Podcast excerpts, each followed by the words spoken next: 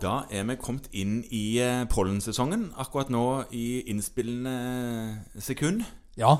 Mye mas om allergimedisiner Ja. og allergisprayer, dråper og alt mulig sånt.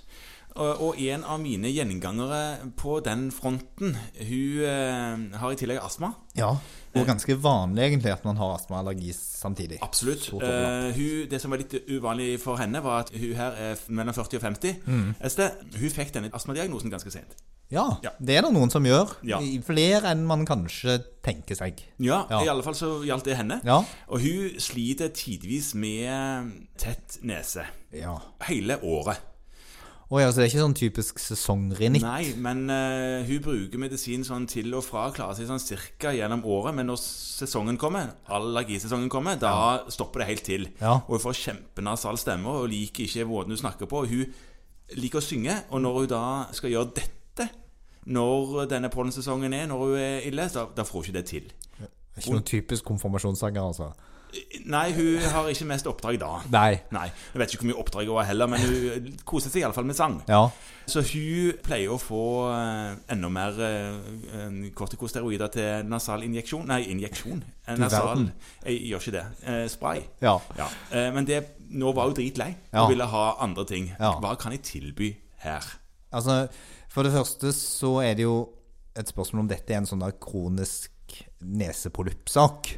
Ja, hun har vært eh, hos Ørnes halslege eh, i forbindelse med disse problemene som har vart lenge, og har fått påvist at hun har polypper. Ja. Så hun har fått eh, sprayer på blå resept bare pga. det. Ja, for det er ofte på noen av disse så ender man jo opp med en CT-bihuler, altså nese- og bihuler, og får på en måte nydelig fremstilt at det er fullt av ting som ikke skal være der. Ja, så masse bokseballer i Ja, taket. og noen ganger så kan man jo kikke inn og se de der hvite, svære eh, druene som ligger inni der. Ja, med den eh, noe snåle undersøkelsen fremre rinoskopi, Ja. som du driver på med sånn otoskoptube på lyset ditt. Ja, altså, Der er det jo ymse teknikker på et eh, litt sånn halvårlig utstyrt fastlegekontor, men, men eh, man kan jo ha et nesespekel også.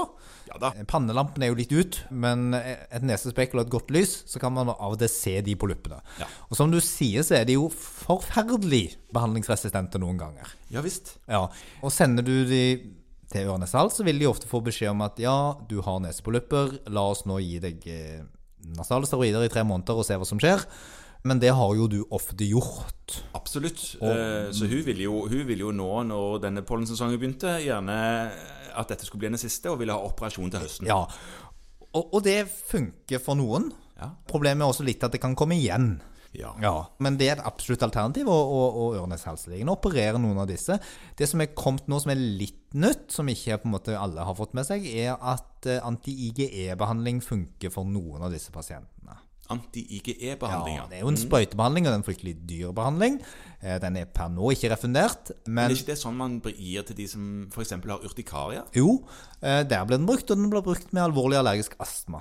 Og det man har sett i noen studier, er at pasienter som har en astma, Ja. Mhm. sånn som denne pasienten din hadde, de kan profitere veldig godt på disse nesepolyppene ved anti-IG-behandling. Det handler nok litt om at det er en del av en sånn autoimmun, atopisk, allergisk eh, prosess Ja. som gir disse. Men det fins, og det er et alternativ. altså Da er det jo injeksjoner, da. Men du sa at det var en, nå en indikasjon, men ikke en refusjon. Ja, i- ikke for denne problemstillingen. Nei, Eh, De får refusjon for kronisk alvorlig urtikaria. Ja, som vi snakket om. Ja, men, men ikke for denne problemstillingen. Nei, men de koster litt. Ja, de er ganske dyre. Egentlig bare en sånn marked. Den heter på generisk omalizumab.